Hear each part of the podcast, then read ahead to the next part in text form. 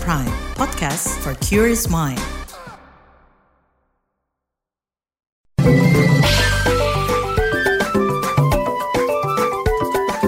WhatsApp Indonesia.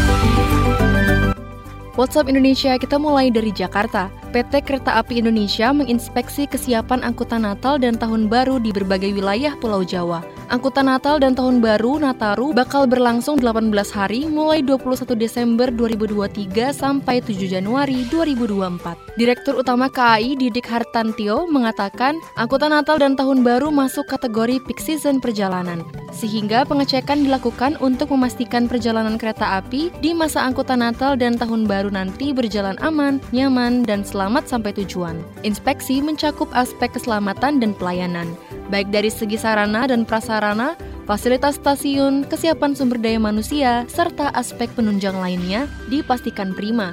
Di samping itu, KAI menyiapkan strategi manajemen krisis bernama AMUS atau Alat Material untuk Siaga. KAI bakal menyiapkan tim personil lapangan khusus, juga menyediakan alat dan material yang terbesar di sepanjang jalur kereta api.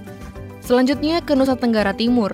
Menteri Pariwisata dan Ekonomi Kreatif Menparekraf Sandiaga Uno mengungkap, Bandara Komodo di Labuan Bajo, Nusa Tenggara Timur berhasil naik kelas jadi bandar udara internasional. Penetapan ini dilakukan saat ASEAN Summit pada Mei 2023. Usai ditetapkan sebagai bandara internasional, Presiden Jokowi juga memerintahkan Menparekraf mempersiapkan bandara menerima penerbangan langsung dari berbagai negara, termasuk menyambut wisatawan-wisatawan mancanegara. Kata Sandi, beberapa negara sudah menyampaikan niatnya mengadakan penerbangan langsung langsung ke Bandara Komodo, yaitu Australia, Malaysia, dan Singapura. Terakhir, mampir Makassar.